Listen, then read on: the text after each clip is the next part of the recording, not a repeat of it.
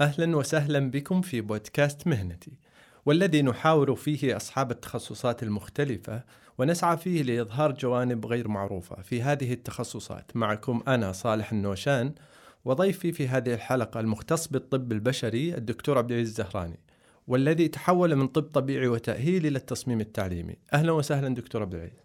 حياك الله أخوي صالح وشكرا لكم على استضافتي في البودكاست. دكتور عبد العزيز متى بدأ الشغف في التصميم التعليمي؟ يمكن ما كان له بدايات واضحة. آه، أيام كنا في كلية الطب كنت آه، من ضمن اللجان الطلابية وكنت في الأول ماسك الجزء الدعائي إذا كان فيه أنشطة. آه، فأنا كنت أكتب الإعلان عنها. وأيضا مع الوقت تطورت مهامي أني أصير مسؤول عن إضافة برامج تدريبية للطلاب. لأن بعض الأحيان يصير فيه محاضرات أو مفاهيم غير واضحة للطلاب. فكانت اللجان ترتئي أنه ممكن نعمل شيء مساند لهم. نشوف طرق مختلفة ممكن تساعدهم على فهم هذه المفاهيم. ما سبب التحول العجيب من طب طبيعي وتأهيل إلى تخصص التصميم التعليمي؟ سبب التحول كان بالنسبة لي هو في آخر سنتين في كلية الطب اكتشفت أن الطب بالنسبة لي ما هو بأحسن وظيفة. صحيح مثلا الحمد لله كنت ماشي فيه وما عندي إشكالية أكاديمية. آه، لكن كنت أعتقد دائما أنه فيه خلينا نقول صعوبة في أني أروح وأجبر نفسي على شيء. أنا أعتقد أني عندي متسع آه، من العمر أني أتركه وأبدأ شيء ثاني فيه. هل هذا التحول منطقي من ناحية اجتماعية على الأقل؟ ال ال طبعا أنا كملت كلية الطب ومارست آه، المهنة في آه، المستشفى العسكري بالرياض وتدربت في آه، أستراليا فترة وتدربت في كندا فترة فكانت صناعة القرار ما هي صناعة آنية ولحظية مباشرة زي ما تفضلت يعني كان في صعوبات كثير جدا ضغوط اجتماعية كونك أيضا تزوجت آه، يعني فيه مسؤوليات أخرى جديدة تستجد عليك آه، لكن مع الوقت كبر خلينا نقول كبرت الجفوة ما بيني وما بين الطب. أنا مؤمن برسالة الطب إنها رسالة سامية جدا ولا يمكن يعني آه، أن نختلف فيها لكن كان عندي إيمان بنفس القدر أو أكبر إن عندي رسالة في الحياة قد أجدها خارج الطب ومتعة أنا يعني أفتقدها آه، موجودة خارج الطب. فهذا اللي خلاني أتجه بشكل كبير إلى الخروج من خلينا نقول القالب الاجتماعي المرموق للطبيب إلى سعة التجربة الجديدة بالنسبة لي واللي أعتقد إنها كانت أثرى وأجمل وفيها أحداث كثيرة جدا ما بين يعني آه، آمال وآلام آه، مقارنة بالمسار المهني والأكاديمي اللي اتخذته كطبيب سابق. دكتور عبد العزيز تركت مغريات كثيرة مرتبطة ومتوفرة بتخصص الطب واتبعت شغفك. الحمد لله هذه يمكن من تيسير الله سبحانه وتعالى. آه، أنا أذكر آه، في آخر كم شهر في كندا جلست مع زوجتي وسألتها قلت يعني هل عندك مشكلة إني أترك الطب؟ هل بيسبب لك أنت يعني إشكالية؟ وهي كانت شايفة إني يعني كنت متضايق نفسيا كثير. آه كانت تقول لي لا بالعكس. شوف اللي أنت محتاجه وتحب تروح له. آه والله يوفقك. فهذا على الأقل كان جزء كبير جدا مريح بالنسبة لي. الجانب الصعب كان مع الوالد. آه لعدة اعتبارات. آه مو لأن الوالد يعني يبي يغصبني على أن يبقى في الطب. آه قد ما هو كان قرار دخول الطب. أي هو بنفسه آه خلينا نقول نوع من الجدال.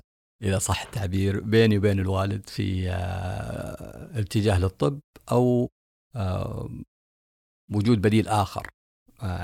هذا كان يعني سبب صعب بالنسبة لي مفاتحه الوالد آه فيه.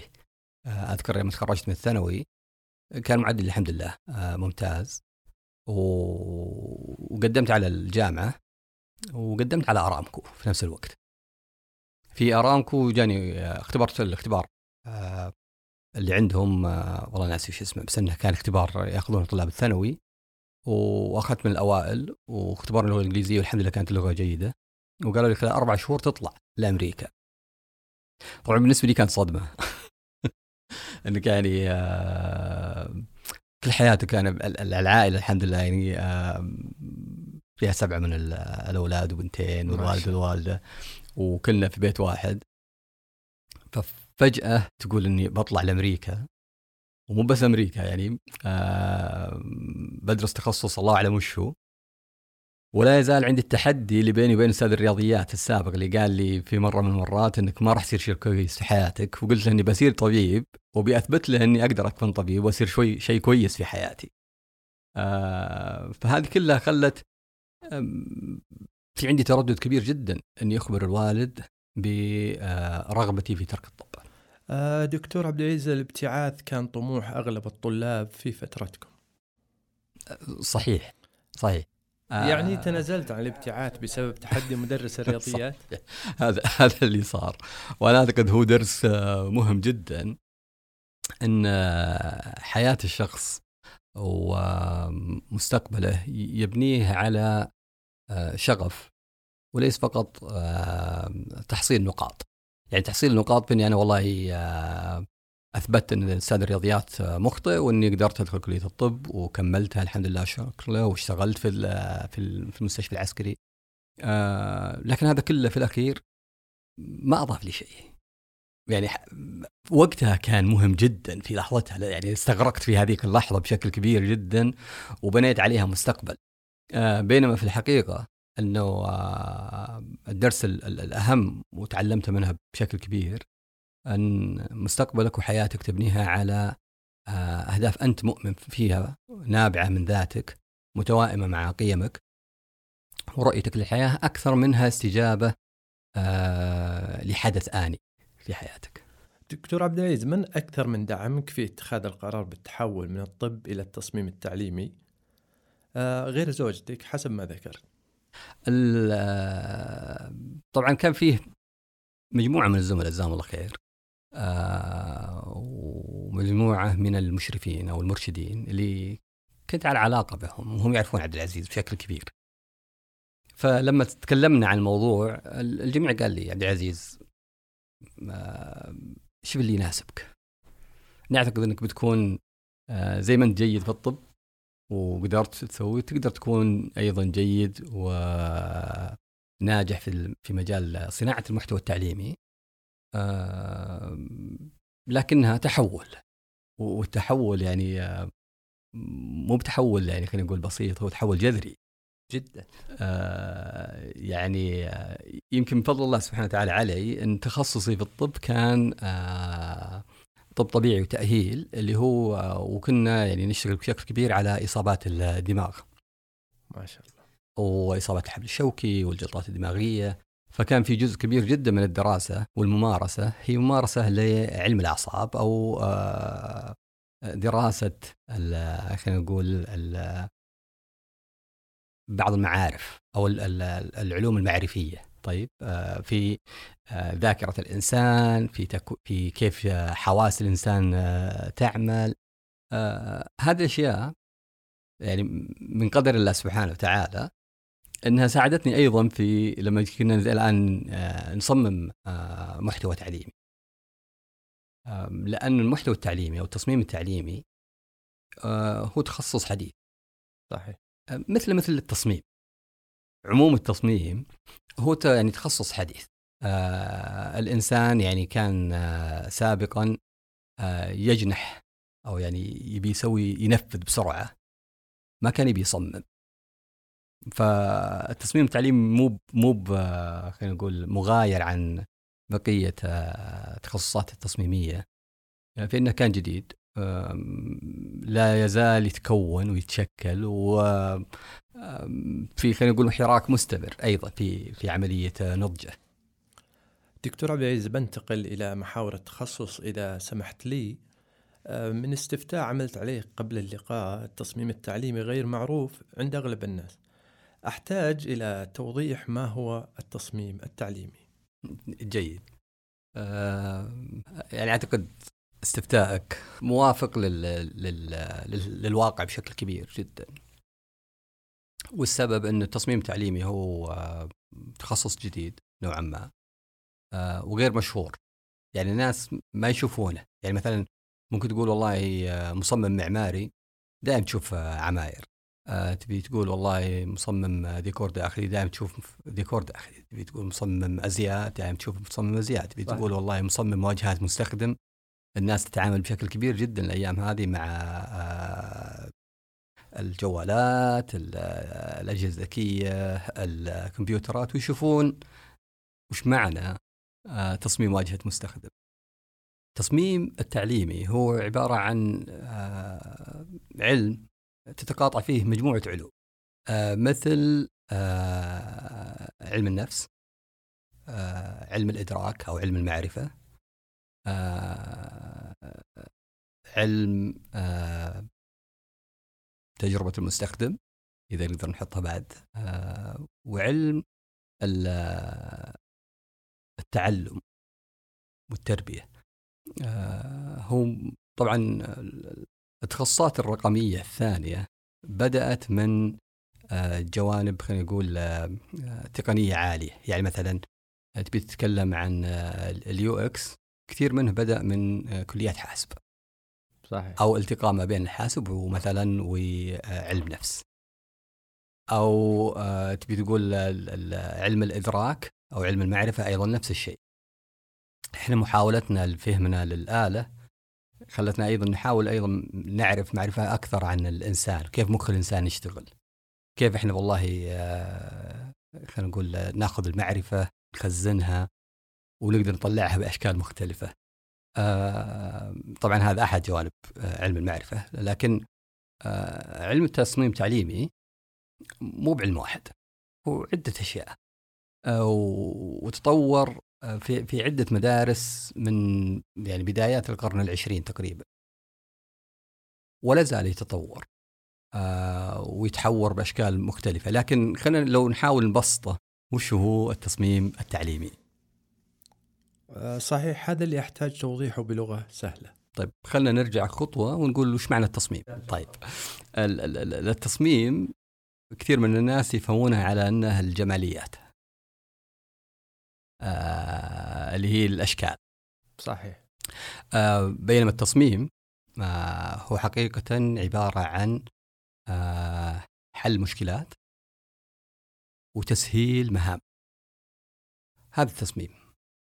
آه لما إحنا نتكلم عن آه التصميم التعليمي هو عبارة عن آه حل مشكلات آه معرفية أو مهارية عند المتعلم أو المتدرب آه وإكسابة هالمعارف أو المهارات أو حتى السلوكيات.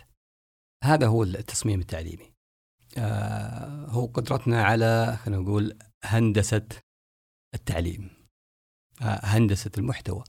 كيف إن إحنا والله نصمم محتوى مناسب للمتعلم مناسب للسياق وليس فقط انجراف يعني خلف التقنية. التقنية هي خادم. لكن الأهم منها هو فهمنا للسياق اللي إحنا نتكلم فيه. وين هالمتعلم؟ وش قدراته؟ وش معارفه الحالية؟ وش معارفه المستقبلية؟ كيف حيتعلم هذا الشيء؟ هذه الأشياء يأخذها في عين الاعتبار المصمم التعليمي. آه، دكتور عبد العزيز ما هو مستقبل التصميم التعليمي؟ آه، من وجهة نظرك كمختص؟ أنا ممكن أجاوبك إنه نفس مستقبل تجربه المستخدم. أنا أعتقد إنه بشكل أساسي الحياة تطورت وحتى ازداد التعقيد اللي فيها. فاليوم إحنا كلنا نبحث عن تصميم خبرات أو experience design ال experience design أو تصميم الخبرات هو هو عبارة عن مجموعة ممارسات إبداعية لتسهيل حياة الناس. الآن يعني لما نتكلم عن تحسين تجربة المستخدم إحنا نتكلم عن مفاهيم مثل قابلية الاستخدام سهولة الاستخدام رضا المستخدم. آه نتكلم عن بعض الأحيان جوانب تأتي من البزنس أو تأتي من صاحب المصلحة. مثلا يقول لك إذا كان موقع بيع إلكتروني يقول لك والله مثلا تحول المتصفحين إلى عملاء. نفس الشيء بالنسبة للتعليم التصميمي. سهولة طرح المادة. انجذاب الناس للمادة اللي الانجيجمنت لأنه البناء المعرفي أو خلينا نقول تطور توفير المعرفة للناس كان كان في الأول معارف. لذلك كان في وزارات معارف. بعدين الآن صارت آه، وزارات آه، تربية آه، وزارة تعليم بعدين صار. ليه؟ لأنه كنا إحنا نعاني من شح في في المصادر مصادر التعلم ومصادر التعليم. اليوم إحنا ما نعاني من هذا الشيء. اليوم بالعكس في عندنا إغراق في المعرفة وتوفر مصادر تعلم كثيرة جدا. منها الجيد ومنها الرديء. آه لكن آه بالنسبة للمصمم التعليمي كيف أنه والله يصمم يقول آه رحلة المتعلم. يوم أنا أفتح الكتاب أو أدخل أونلاين على زوم أو على تيمز أو أي برنامج ثاني أو أني أحل واجب. كل شيء كل حدث من هذه الأحداث هو ما هو حدث آه خلينا نقول آه اعتباطي أو إنه حدث يعني يعني بالمصادفة صار هو حدث تم تصميمه. التصميم يعني التخطيط. التصميم أيضا يعني آه تنفيذه وقياس أثره. فلذلك أنت بعد ما تصمم المادة التعليمية يهمك جدا قياس الأثر. وكيف إحنا نقيسها؟ طبعا مشهور جدا هي الاختبارات أو الامتحانات القصيرة لكن أيضا أنت ممكن آه، تقيسها بجانب مختلف. إحنا إذا تكلمنا في الجانب الأكاديمي خاصة في التعليم العام والتعليم العالي آه ممكن جدا يعني يسهل عليك طيب آه إنك تقيسها بالاختبارات. بينما الاختبارات ممكن تكون أصلا معضلة. ليه؟ آه إحنا ممكن عندنا طالب آه في الجامعة يجيب ألف في مادة ومعناته أنه جاب 90% في الاختبار. آه وممكن اللي فقده في الف... يعني في في المية هذه هي في المية من المنهج. مع ذلك الطالب هذا تخرج بألف بممتاز. مو بذنب الطالب أنه تخرج ممتاز. هو الذنب أن فيه تم تصميم الرحلة المعرفية للمتعلم وتقييمه بهذه الطريقة. اللي طريقة اللي بني عليها الثورة الصناعية الثانية. نبي مصانع نبي عمال نبي الناس يعرفون يقرون نبيهم يعرفون how to operate machines إنه والله يدخل في المصنع ويتعامل مع الآلات. الآن إحنا نتعامل معه هو شيء مختلف. إحنا نتعامل آه، مع مشاكل معقدة. نتعامل مع آه، مشاكل من نوع جديد.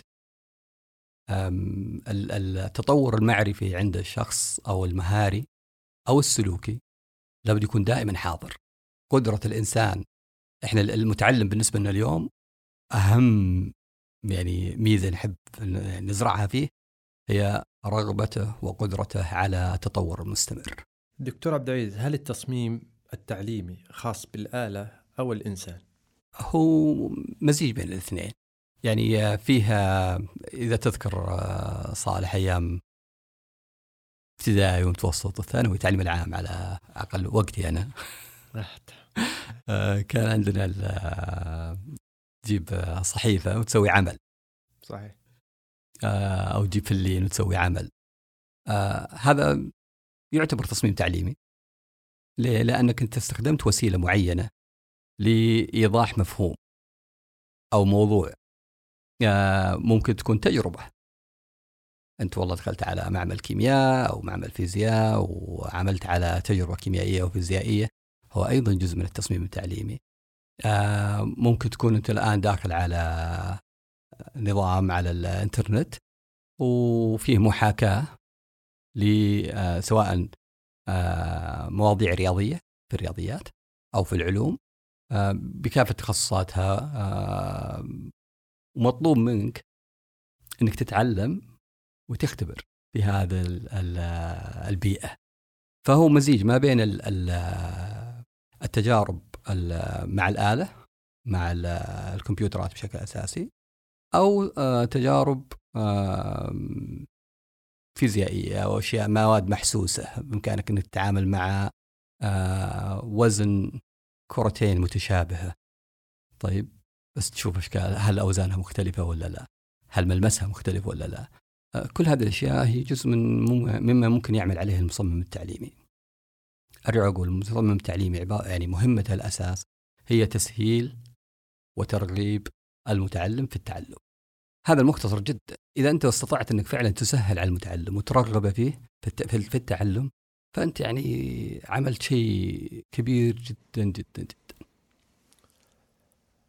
دكتور عبد العزيز لو أحد من المستمعين الكرام عنده رغبة في أن يتخصص في التصميم التعليمي نعم. ما هي أهم مصادر التخصص؟ وهل هناك تخصص أكاديمي عن طريق الجامعات أو المعاهد؟ أو يكتسب عن طريق المعرفة والخبرة والقراءة؟ آه كثير من المصممين التعليميين خلفيتهم آه تكون آه خلفيه خلفية في الغالب تربوية يعني متخرج من كلية تربية. وهذا يساعده كثير لأنه يعرف آه وش نظريات التعلم آه يفهم آه السياق التعليمي أو التربوي. لكن أيضا في ناس تخصصاتهم علم نفس في ناس تخصصاتهم إدارة آه في ناس طبعا إدارة وموارد بشرية أقصد بالإدارة بشكل أساسي آه في ناس تخصصاتهم آه علوم حاسب. طبعا الآن آه وش يصير؟ في مسارين، في مسار أكاديمي اما يدخلون آه، دبلوم عالي أو ماجستير آه ويتعلمون. طبعا في أيضا درجات دكتوراه وبحوث متطورة جدا. أنا ما أبغى الناس تفهم إن التصميم التعليمي هو علم ما له أصول بالعكس هو علم له أصول كبيرة وثابتة. وله ممارسات معروفة جدا. آه الحاصل بحكم أن التصميم التعليمي غير معروف. آه للأسف صار فيه نوع من خلينا نقول الممارسات الخاطئة. يعني زي ما تقول ضعف معرفة الناس بالتصميم التعليمي حملت العلم هذا أخطاء فهم الناس. وليس أخطاء العلم نفسه. يعني أخطاء الممارسة وليس أخطاء المعرفة أو النظرية. آه هذا اللي صاير في التصميم التعليمي. عشان كذا أنت لما تقول أنت سويت استفتاء والناس ما تعرف تصميم تعليمي شيء أكيد. أنا بصراحة كنت بتفاجئ إن في ناس تعرف تصميم تعليمي كثير. متى وين أكثر الناس اللي يعرفون التصميم التعليمي آه إما ناس مشتغلين بالتعليم الإلكتروني خاصة ايامنا هذه بحكم الجائحة. آه أو آه إدارات آه، تدريب الموارد البشرية في الشركات. يفهمون في شيء اسمه تصميم تعليمي لكن عند عموم الناس وأكثر الناس حتى التقنيين لصيقين جدا بالمصممين التعليميين زي ما قلت لك مثلا آه، مصممي آه، تجربة المستخدم ولا مصممي الواجهات ولا آه، مبرمجي واجهات الأنظمة قد لا يكون سمعوا بالتصميم التعليمي. آه طيب دكتور عبد العزيز هل في برامج أو دورات في التصميم التعليمي آه بالوقت الحالي؟ طبعا في برامج آه، كثير أكاديمية آه، دراسات عليا أتكلم آه، في جامعات سعودية كثيرة. يعني جامعة الملك سعود أعرف يقينا عندهم جامعة الأميرة نورة جامعة الملك عبد العزيز وأعتقد عدد جيد من الجامعات الأخرى. وهذه خلينا نقول نواة. هل هالعلم ونواة ممارسة هالعلم. لكن هل في سوق كفاية؟ لممارسة التعليم آه، التصميم التعليمي ولا لا؟ هذا سؤال آخر أيضا آه، وهو واحدة من التحديات اللي آه، يعيشها المصمم التعليمي. المصمم التعليمي مطلوب منه يكون عنده قدرة عالية جدا على تعاطف مع المتعلم عنده قدرة عالية جدا من التواصل لأنك تكتب تعليمات كيف آه، تعمل الشيء الفلاني كيف تنتقل من الخطوة الفلانية إلى الخطوة الثانية. آه، مطلوب منه أنه أيضا آه، كل مشروع بالنسبة له تحدي جديد. فمرة تلقاه يشتغل مع شركة في تطوير فريق المبيعات. ما يفهم أي شيء في المبيعات لكن هو يفهم كيف يتعلم الإنسان.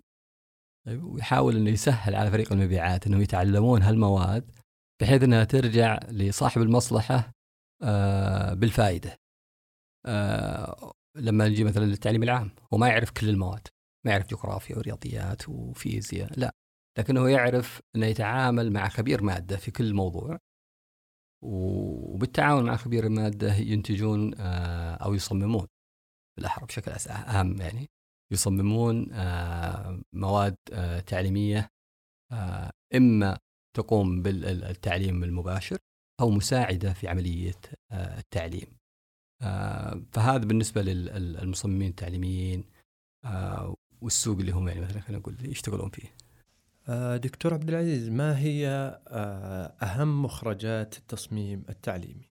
أكثر المخرجات هي عبارة عن عن شكل وثائق. في المرحلة الأولى هي مرحلة التحليل، تحليل المحتوى، تحليل المتعلمين، تحليل سياق التعلم، آه، تحليل حاجات التعلم والتدريب. فهذه كلها تتم بشكل مقابلات وبشكل يعني قريب جدا بمنهج آه، تجربة المستخدم. آه، في الأخير تحول هذا إلى storyboard storyboard يتم آه، ذكر فيها كيف تتم تعرض عرض المعلومة تناسق أو خلينا نقول سياق اللي تعرض فيه والتتابع الذي ستعرض فيه المعلومات وكيف ستقيم المتعلم أثناء التعلم وبعد التعلم. آه، كل هذه يعني كيف تشوفها في الأخير؟ بتشوفها بشكل والله إما آه، مسلسل كرتوني أنيميشن آه، ممكن تشوفها بشكل والله مادة تفاعلية على الويب. ممكن تكون مادة متقدمة التفاعلية مثل الواقع الافتراضي أو الواقع المعزز يعني virtual reality و augmented reality أو حتى على شكل ألعاب تعليمية أو ألعاب جادة يسمونها serious games آه إنك تستخدمها لبناء أهداف تعليمية آه معينة. هذا كله يتم آه طبعا فريق عمل متكامل ما بين مصمم تعليمي مصمم خبرة مستخدم مصمم واجهات مستخدم مبرمجين محللين. لكن الركن الأساس في العملية التعليمية هو وجود المصمم التعليمي. هذا اللي يخليها تفرق عن يعني ممكن يكون أقرب ما يكون المصمم التعليمي هو آه، مدير المنتج الرقمي. يعني هذا إذا إحنا بناخذ المقاربة. بالتصنيفات تكون بالتصنيف. نعم بالتصنيف هو بيكون آه، مدير المنتج الرقمي. آه، دكتور عبد العزيز فريق العمل عندهم رغبة كبيرة هو رغبتهم موافقة رغبتي وإن شاء الله أنها بتوافق رغبة المستمعين بالرجوع للتجربة الشخصية المبهرة في تغيير التخصص. إذا سمحت لي. أكيد الله يعطيك العافية. أكيد. آه قرار تغيير التخصص من طب إلى أي تخصص آخر بيكون صعب بطبيعة الحال. آه خصوصا إنك كنت متفوق في الطب ومارسته فعليا. كيف كانت الأمور وقت اتخاذ القرار؟ هو طبعا ما كان قرار سهل ولا كان وليد لحظة واحدة. آه أنا اشتغلت في الطب قرابة تسع سنوات عشر سنوات. آه في عدد من السنوات كان في مزاوجة أو خلينا نقول آه، ازدواجية في الحياة ما بين آه، كوني طبيب بالنهار ومصمم تعليمي بالمساء. لكن وصلت مرحلة يعني آه، أني آمنت أكثر بالفكرة آمنت أكثر بقدرتي على تنفيذها. آه، وصرت مؤمن أكثر بصراحة مع الوقت أنك تعيش حياتك مرة واحدة. يعني أعتقد أنه مهم جدا بالنسبة لك أنك تعيشها بطريقة أنت ترغب عيش حياتك. مثل لما تلبس ثوبك. تلبس ثوب مناسب لك. آه، أكيد إنه مناسب للناس. ويعني آه، خلينا نقول مقبول للناس. قدام الناس لكنك في الأخير أنت اللي تلبسه. صحيح. فهي نفس الشيء قراراتك. آه، صحيح إنها تكون يعني واضحة للناس. لكن لابد تكون مناسبة لك أنت بشكل أساسي ومتوافقة خليني أقول مع العرف. العرف المقبول. وليس فقط عرف خلينا نقول إنك لقيت شيء وتستمر عليه. لا ما هو بصحيح. هو هو الفكرة إنك دائما آه، تعيش متوافق أيضا ما بين اللي تعمله وما بين القيم اللي عندك. رغبتك أنت في الإنجاز رغبتك أنت أيضا في آه ترك آه أثر وإرث من من من بعدك. آه دكتور القرار كان له أثر نفسي. صحيح. كيف كان الأثر؟ آه كان صعب. كان صعب على عدة آه، نواحي. آه، أولا آه، لما اتخذت القرار النهائي كان عندي شهادة الله يحفظها. الله يخليها. آمين جزاك الله صح ما أعطانا أعطاكم فصارت فيه ما هو طموحات شاب فقط. فيها خلينا نقول تخوفات أب. لأنك أنت الآن مسؤول عن أسرة ومسؤول عن احتياجاتهم مسؤول إنك يعني توفر لهم حياة كريمة. فمع كل بارقة فشل وكل محاولة فشل كان دائما خلينا نقول تسيطر علي الفكرة إنه طيب يعني هل فعلا كان أحسن قرار ولا كان ممكن إني يعني أعيش حياتي بطريقة معينة وفيه نوع خلينا نقول بين قوسين من الكرامة. فيها. طيب ما يصير عندك أنت في معترك الحياة في ثلمات آه، بينك وبين الحياة. آه، لكن كل مرة كنت أدخل في هالمعترك آه، أطلع في الأخير الحمد لله شكرا يعني بتجربة أنضج. قد ما تكون أنجح طيب لكنها أنضج. أجد التجربة متوافقة أكثر مع ذاتي. وأنا أعتقد هذا كان بالنسبة لي أنا أتكلم كعبد العزيز. آه مقدار توافق ما بين الظاهر والباطن بالنسبة لي آه مهم جدا. آه الحياة بقيم. واحدة من القيم اللي آه أنا مؤمن فيها إنك تعيش حياتك لأقصاها آه، بناء على ما تتمنى أن يعني تضيف للحياة. يعني الحياة في تكوينها مي بشيء آه، خلينا نقول معقد. الحياة ومفاهيمها وخلينا نقول آه، طرقها والأشياء اللي عرفناها فيها صح وغلط مو بأكثرها يعني قرآن منزل. هو حقيقة عرف بين الناس آه، وتعود بعد بشكل أكبر أكثر من أنه والله شيء مقدس. ما هو ما هو بصحيح. الشيء المقدس فعلا هو أن الله سبحانه وتعالى استخلف الناس في الأرض. والاستخلاف أعتقد أن جزء منه آه، يتطلب الشجاعة. آه، الشجاعة أنك تكون صادق مع نفسك. آه، تعيش لهدف. مو بس أن والله تأخذ كل حياة بدورتها ويمشي يمضي بك الوقت على قولتهم بعد يعني طول عمر الجميع الواحد يقول أوه خلاص هذا يومي. طب هي آخر لحظة في حياتك دائما الواحد أنا احطها دائما كذا. لو كانت هذه آخر لحظة في حياتي وعندي القدرة إني أستذكر شريط حياتي السابق وش اللي ابي فيه؟ هل إني أروح كل يوم لابس البالطو والمستشفى بدوام روتين؟ وصحيح في اجر من الله سبحانه وتعالى جدا إنك يعني يعني تفريج يعني كربات المرضى. آه، أو أيضا تفريج كربات المتعلمين. فأنا أعتقد أنها لا تقل آه، سمو في الرسالة ولا تقل آه، في خلينا نقول المردود النفسي المريح للشخص. دكتور عبد العزيز خفت من الفشل بعد ما اتخذت القرار أي نعم خفت خفت خفت لأن ما كنت أعرف بصراحة يعني في بعض الناس عندهم دائما ما شاء الله مخطط كبير جدا لحياتهم والأحداث يحاولون يتحكمون فيها بشكل كبير جدا. أنا كنت آه، أجد في متعة الحياة أنك تأخذها بأريحية. تجرب. يعني نقول سهلات؟ السهلات اي بالسهلات. بالسهلات إنك تجرب وتشوف. لأن في الغالب الشيء اللي بتسويه ما راح يعني على ينهيك. طيب يتعبك ممكن ينهيك لا. آه فأنا أعتقد أنه كان في خوف. آه وكل ما تحاول تسوي شيء جديد فيه درجة معينة من القلق والخوف طبيعي أنها تكون موجودة. آه لكنها ما كانت آه كان يقول آه عائق إني أجرب. آه دكتور عبد العزيز الرسالة الأخيرة لمن توجه؟ الرسالة الأخيرة لكل المصممين التعليميين والمصممات التعليميات. شكرا لكم من القلب. أنتم من جعلتم أو من تجعلون التعليم أقرب للأنفس. أهم في أعين الناس. ولأولئك الذين يعني يبحثون عن شغف في حياتهم. ابحث يعني ولا آه، تتوانى أنك تجد شغفك في أي مكان. قد يكون في أماكن لم تكن يعني آه، واضحة لك في الأول. التجربة هي أساس لذة الحياة أنك تجرب. فاعتقد هذا الشيء اللي ممكن اقولها لكل الأخوة المستمعين والأخوات. دكتور عبد العزيز لا أجد ما أختم به حلقتنا لهذا اليوم باستثناء الاقتباس القائل. كلنا نقابل ولو لمرة واحدة في العمر رجالا يلفظون بكلمات.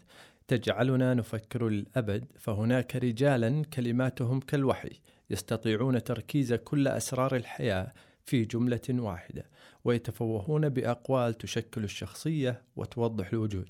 وأنت دكتور عبد العزيز واحد منهم. سعيد جدا بشرف استضافتك على الصعيد الشخصي. باسمي واسم فريق العمل في بودكاست مهنتي. آه، نشكرك على ما أثريتنا به في هذه الحلقة بجوانب كثيرة شخصية ومهنية. آه، أتمنى أن يكون المستمعين قد استمتعوا أيضا بهذه التجربة الشخصية الفريدة. أما أنا أصل إلى نهاية اللقاء معكم صالح النوشان ولنا لقاء في حلقة قادمة.